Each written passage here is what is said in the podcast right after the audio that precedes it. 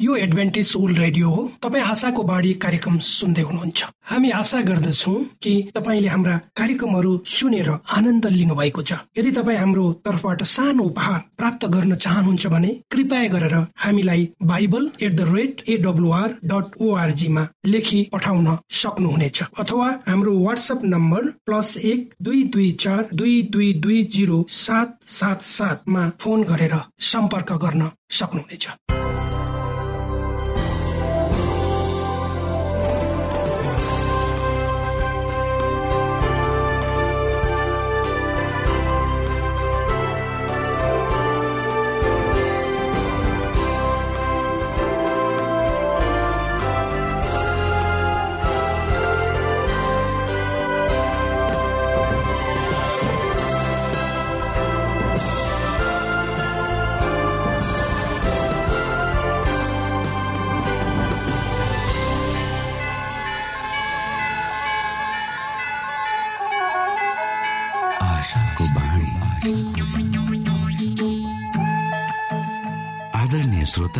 नमस्कार। यो समय तपाईँ एडभेन्टिस्ट ओल्ड रेडियोको प्रस्तुति भोइस अफ होप आशाको बाणी कार्यक्रम सुन्दै हुनुहुन्छ। कार्यक्रम प्रस्तुता म रवि यो समय तपाईँको साथमा छु।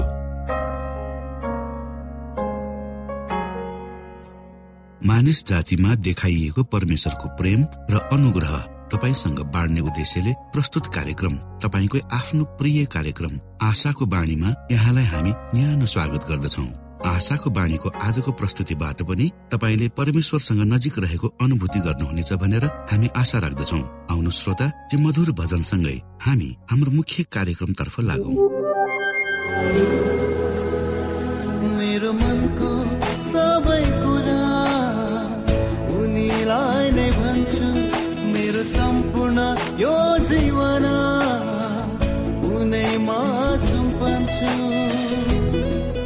मेरो मनको सबै कुरा उनीलाई नै भन्छु मेरो सम्पूर्ण यो जीवन।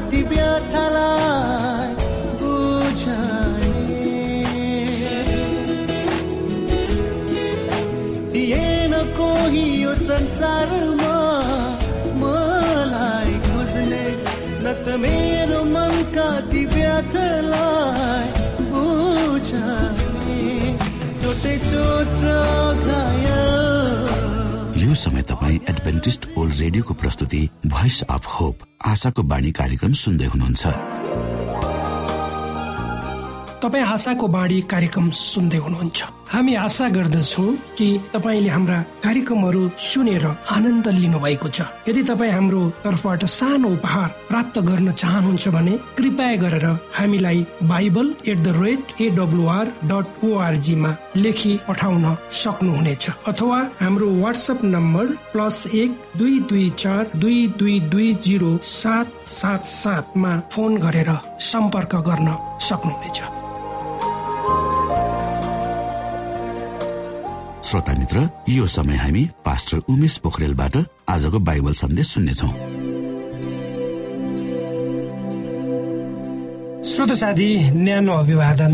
म तपाईँको आफ्नै आफन्त अर्थात् पास्टर उमेश पोखरेल। परमेश्वरको वचन लिएर यो रेडियो कार्यक्रम मार्फत तपाईँहरूको घर आँगनमा उपस्थित भएको छु। श्रोता मलाई आशा छ तपाईँले हाम्रा कार्यक्रमहरूलाई नियमित रूपमा सुनेर परमेश्वर को हुनुहुन्छ भन्ने कुरो चिन्दै हुनुहुन्छ। र परमेश्वरसँगको यात्रा आफ्नो जीवनमा कति मिठो हुँदो रहेछ भन्ने कुरो अनुभूति पनि गर्दै हुनुहुन्छ। आजको प्रस्तुतिलाई पस्कनुभन्दा पहिले आउनुहोस् हामी परमेश्वरमा अगुवाईको लागि बिन्ती राख्नेछौँ। जीवित जिउँदो महान दयालु परमेश्वर प्रभु हामी धन्यवादी छौँ। यो जीवन र जीवनमा दिनुभएका प्रशस्त आशिषहरूको लागि। यो रेडियो कार्यक्रमलाई प्रभु म तपाईँको हातमा राख्दछु। यसलाई तपाईँको राज्य र महिमाको प्रचारको खातिर यो देश र सारा संसारमा पुर्याउनुहोस्। ताकि धेरै मानिसहरूले तपाईँको ज्योतिलाई देख्न सकुन्। तपाईँको राज्यमा प्रवेश गर्ने मौका पाउन्। यसबाट तपाईँको महिमा होस्।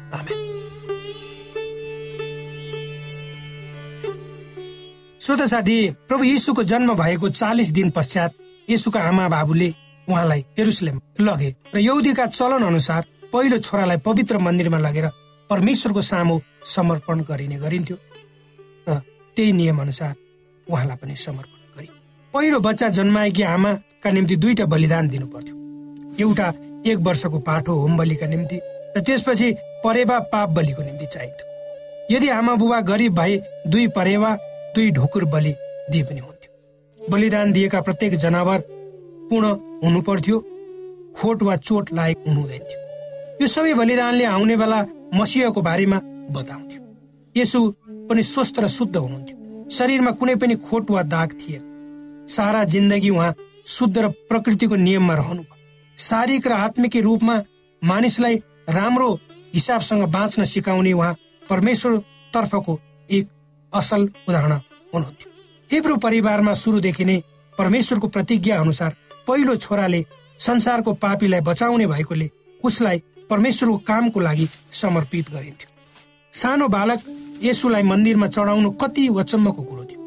मन्दिरका पुजारीले बालक यसुलाई काखमा लिँदा त्यो बच्चा कस्तो भने बुझ्न नसक्नु कस्तो दुःखको कुरा थियो दिनदिनै समर्पणको लागि आउने वा बच्चा र आमालाई उनले थोरै मात्र ध्यान दिने गर्थे।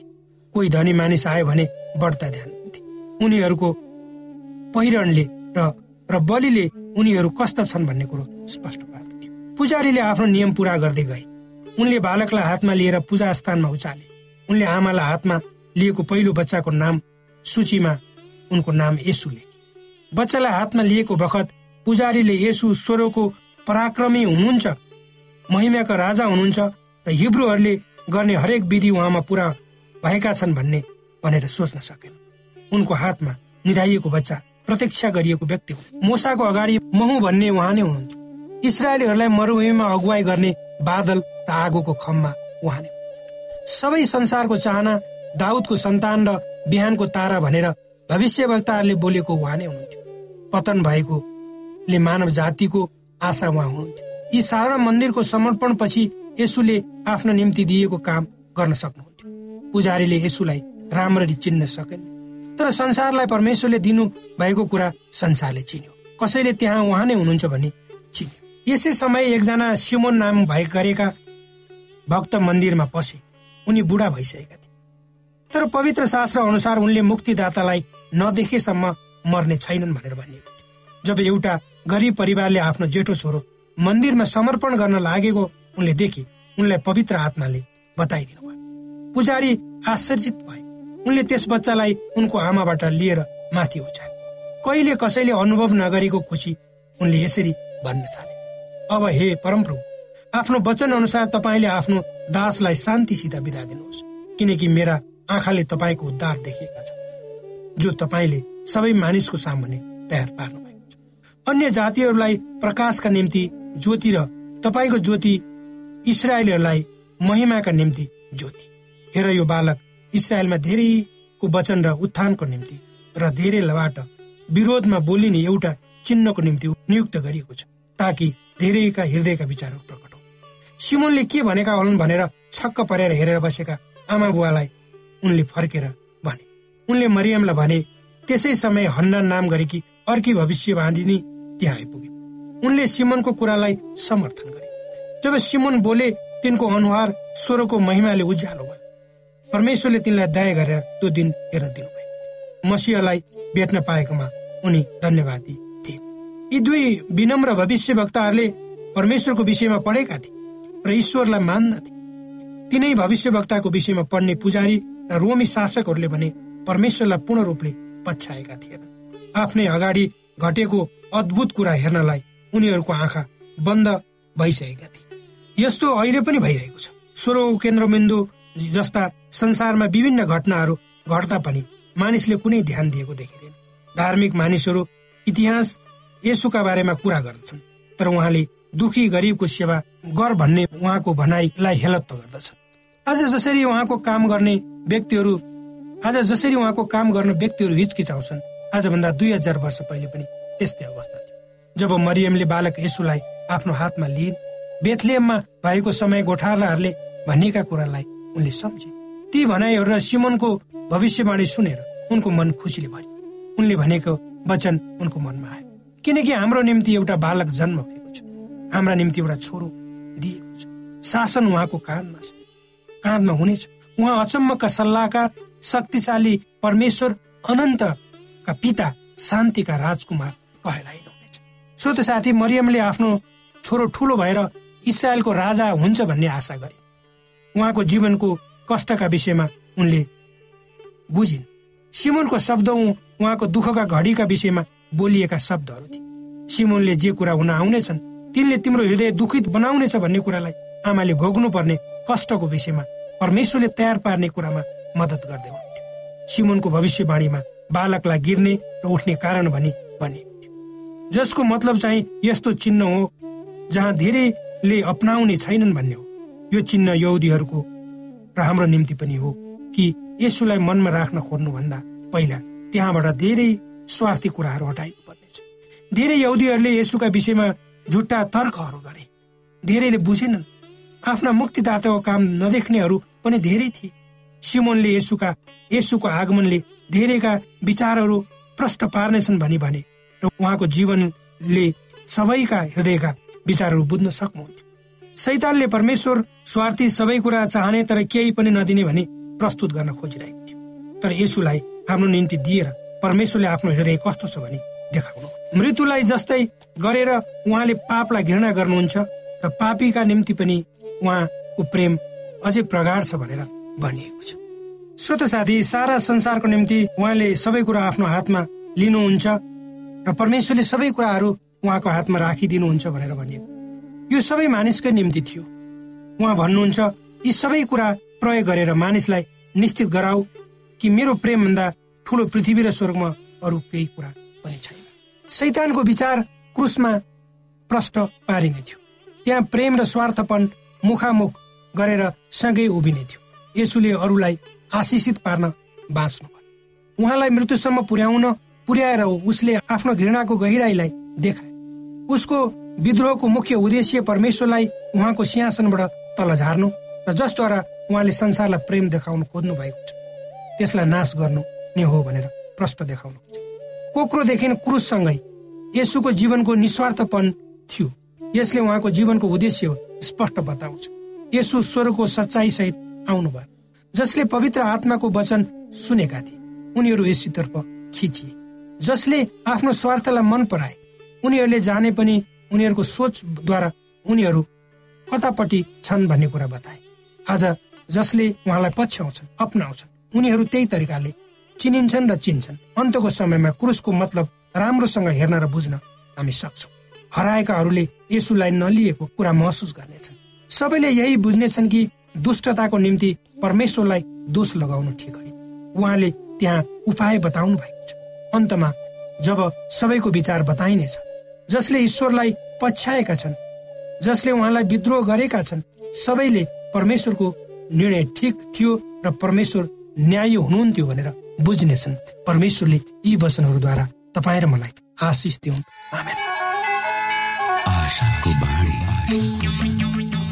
श्रोता भर्खरै यहाँले पास्टर उमेश पोखरेलबाट बाइबल वचन सुन्नुभयो। यो समय तपाईँ एडभेन्टिस्ट ओल्ड रेडियोको प्रस्तुति भोइस अफ होप आशाको बाणी कार्यक्रम सुन्दै हुनुहुन्छ। कार्यक्रम सुनेर बस्नुहुने सबै श्रोतालाई हामी हाम्रो कार्यक्रममा स्वागत गर्न चाहन्छौ। श्रोता मित्र यदि तपाईँ जीवनदेखि हरेस खानु भएको छ तपाईँका जीवनमा धेरै अनुत्तरित प्रश्नहरू छन् भने आउनुहोस् हामी तपाईँलाई परमेश्वरको ज्योतिमा डोहोऱ्याउन चाहन्छौँ। तपाईँ आफ्नो जीवनका चिन्ता फिक्रीबाट निश्चिन्त हुनुहोस् र बाँच्नुको आनन्द परमेश्वरको सामिप्यमा कति मिठो हुन्छ त्यो चाख्नुहोस् भनी हामी चाहन्छौँ। श्रोता यदि तपाईँ आशाको बाणी कार्यक्रमलाई अनलाइन सुन्न चाहनुहुन्छ वा डाउनलोड गर्न चाहनुहुन्छ भने ओआरजीमा जानुहोस्। त्यहाँ तपाईँले प्रत्येक दिनको कार्यक्रम सुन्न र डाउनलोड गर्न सक्नुहुनेछ। हाम्रो वेब पेज यस प्रकार छ।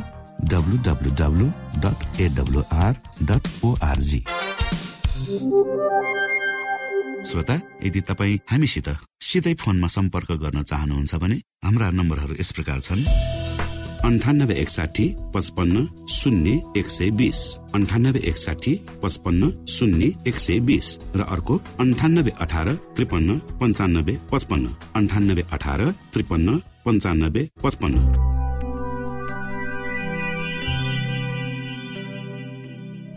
यो एडभेन्टिस ओल्ड रेडियो हो। तपाईँ आशाको बाणी कार्यक्रम सुन्दै हुनुहुन्छ। यस सम्बन्धी थप जानकारीको लागि कृपया गरेर हामीलाई सम्पर्क राख्न सक्नु हुनेछ हाम्रो इमेलको ठेगाना Bible at the rate AWR dot ORG अर्थात् B I B L E at AWR dot ORG हो। तपाईँ हामीलाई हाम्रो वाट्सएप नम्बर प्लस एक दुई दुई चार दुई दुई दुई जिरो सात सात सातमा पनि कल गरेर सम्पर्क राख्न सक्नुहुनेछ। अर्थात् प्लस एक दुई दुई चार दुई दुई दुई जिरो सात सात सात। यो भाषाको बाणी रेडियो कार्यक्रम हो।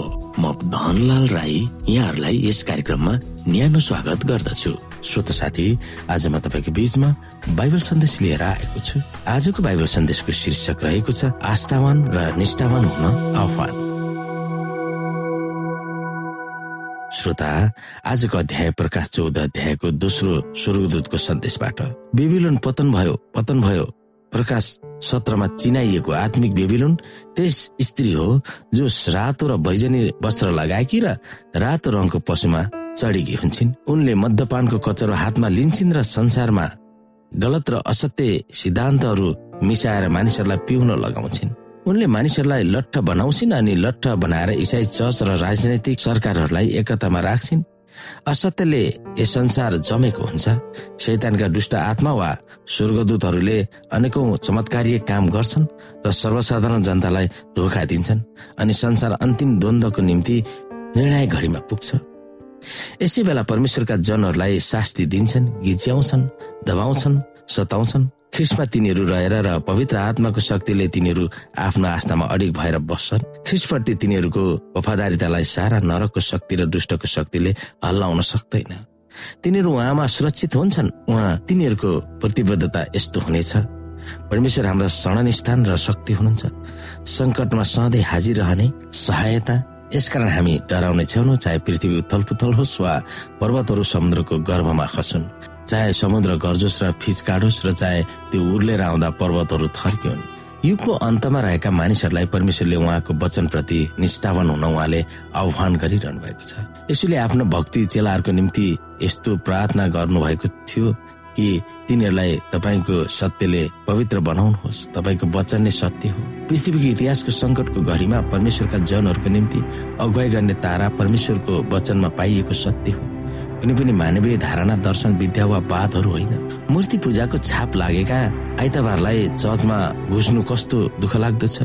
सूर्य भगवानको नाउँ बोकेको यस दिनलाई भ्रष्ट पोपीय तन्त्रले चर्चमा घुसायो। र त्यो पवित्र दिन हो भन्ने मान्न चाहे सुधारवादी वा प्रोटेस्टेन्टहरूले सिरोपर गरिरहेका हामी पाउँछौँ। हामी इजिकेल विषय एकदेखि बिसलाई हेर्न सक्छौँ। इजिकेलको सन्देशको सारांश के हो र परमेश्वर प्रतिको वफादारितामा अडान लिने क्रममा साबतले कसरी उल्लेखनीय भूमिका खेल्दछ भनेर हामी हेरौँ। एकमा सातौं वर्षको पाँचौं महिनाको दशौं दिनमा इजरायलका कोही धर्मगुरुहरू परमप्रभुसित सोधपुछ गर्नलाई आएर मेरो सामुन्ने बसे तब परमप्रभुको यो वचन म कहाँ हे मानिसको छोरो इजरायलका धर्मगुरुहरूसँग कुरा गर र तिनीहरूलाई भन्। परमप्रभु परमेश्वर यसो भन्नुहुन्छ के तिमीहरू मसित सोधपुछ गर्न लागेका हौ? जस्तो म जीवित छु परमप्रभु परमेश्वर हुनुहुन्छ। तिमीहरूलाई मलाई सोधपुछ गर्न पाउने छैनौ। हे मानिसको छोरो के तिमी तिनीहरूको न्याय गर्नेछौ?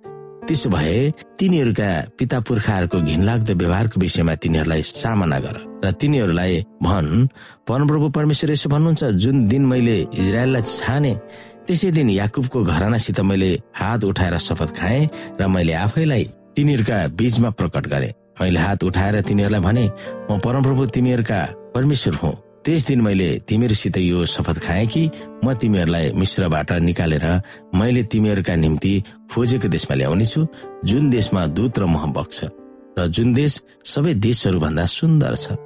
अनि मैले तिनीहरूलाई भने तिनीहरू हरेकले आफ्नो आँखाले देखेका प्यारो वस्तु ती घिनलाग्दा प्रतिमाहरू हटाओ र मिश्र देशका मूर्तिहरूले आफूलाई बिटुलो नपार। म परमप्रभु तिमीहरूका परमेश्वर हुँ। तर तिनीहरू मेरा विरुद्धमा बाघी भए र तिनीहरूले मेरा कुरा सुनेनन्। आफ्ना आँखाले देखेका प्यारो वस्तु ती घिनलाग्दा प्रतिमाहरूलाई तिनीहरूले फालेनन् न त तिनीहरूले मिश्र देशका मूर्तिहरूलाई त्यागे। यसैले मैले भने कि मिश्र देशमा नै म मेरो क्रोध तिमीहरूमाथि खन्याउनेछु मेरो रिस पुरै पोखाउनेछु तर जुन जातिहरूका बीचमा तिनीहरू बसेका थिए र जसका नजरकै सामुन्ने मैले तिनीहरूलाई मिश्र देशबाट निकालेर ल्याए इजरायलीहरूका अघि आफूलाई चिनाए ती जातिहरूका आँखाका सामु मेरो नाउँ अपवित्र नहोस् भनेर आफ्नो नाउँको खातिर मैले यो काम गरे। यसै कारण मैले तिनीहरूलाई मिश्र देशबाट निकालेर मरुभूमिमा ल्याए। मैले तिनीहरूलाई मेरा विधिहरू दिएँ र मेरा नियमहरू देखाएँ। किनभने जुन मानिसहरूले ती पालन गर्छ तिनीबाट त्यो बाँच्नेछ। त्यस बाहेक तिनीहरूलाई पवित्र पार्ने म परमप्रभु नै हुँ भन्ने कुरा तिनीहरूले जानुन् भनेर तिनीहरू मेरो बीचमा चिन्नको लागि मैले तिनीहरूलाई साबत दिनहरूमा पनि ठहराइदिए। तापनि इजरायलका मानिसहरू मरुभूमिमा मेरा विरुद्धमा बाघी भए। तिनीहरू मेरा उर्दीहरूमा चलेनन् तर तिनीहरूले मेरा नियमहरूलाई इन्कार गरे। यद्यपि ती पालन गर्ने मानिस तिनीबाट बस्नेछ। मेरा साबतहरूलाई तिनीहरूले एकदमै बिटुलो पारे। त्यसैले मैले भने कि म यही मरुभूमिमा तिनीहरूमाथि मेरो क्रोध पोखाएर तिनीहरूलाई नाश गरिदिनेछु। तर जुन जातिहरूका नजरकै सामुन्ने मैले तिनीहरूलाई निकालेर ल्याए ती जातिहरूका आँखाका सामु मेरो नाउँ अपवित्र नहोस् भनेर मेरो नाउँको खातिर मैले यो काम गरेँ। त्यसबाहेक मैले आफ्नो हात उठाएर मरुभूमिमा तिनीहरूसित यो शपथ खाए कि दूत र मह बग्ने देशमा जुन सबै देशहरू भन्दा सुन्दर छ त्यहाँ म तिनीहरूलाई ल्याउने छैन। किनभने तिनीहरूले मेरा नियमलाई इन्कार गरेर मेरा विधिहरूमा चलेनन् र मेरा सावतहरूलाई बिटुलो पारे किनकि तिनीहरूका हृदय आफ्ना मूर्तिहरूको भक्ति गर्न लागेका थिए। तापनि मैले दया गरेर तिनीहरूलाई मरुभूमिमा सर्वनाश गरिन अथवा तिनीहरूको पुरै अन्त त गरिन। मैले मरुभूमिमा तिनीहरूका छोराछोरीलाई भने तिमीहरू आफ्ना पिता पुर्खाका धार्मिक विधानहरूमा नहिर अथवा तिनीहरूका नियमहरू नमान वा तिनीहरूका मूर्तिहरूले तिमीलाई आफैलाई बिटुलो नपार। म परमप्रभु तिमीहरूका परमेश्वर हुँ। मेरा विधिहरूमा हिँड र मेरा नियमहरू पालन गर्नलाई होसियार हो। मेरा साबतहरू पवित्र राख र ती मेरो र तिमीहरूका बीचमा चिन्ह हुन् तब तिनीहरूले म नै परमप्रभु तिमीहरूका परमेश्वर हुन् भनी जान्नेछौ। इजरायलीहरूलाई मूर्ति पूजा त्याग र सृष्टिलाई भन्दा सृष्टिकर्ताका आराधना र उपासना गर भनेर परमेश्वरले गर्नुभएको हार्दिक आह्वान इजिकेल बिचमा उल्लेख गरिएको छ। तिनीहरूले मिश्र देशकै मूर्तिहरूलाई ढोक्न पुगेका थिए। ती स्वर्गदूतहरूको सन्देशमा परमेश्वरले त्यही खालको आह्वान गरिरहनु भएको छ। सृष्टिकर्ताका आराधना गर किनभने बेबिलोन पतन भएको छ। अन्तिम घटनाहरूमा सावत प्रति निष्ठावान हुने नीतिले ठूलो भूमिका खेल्नेछ भन्ने कुरा हामीलाई थाहा छ।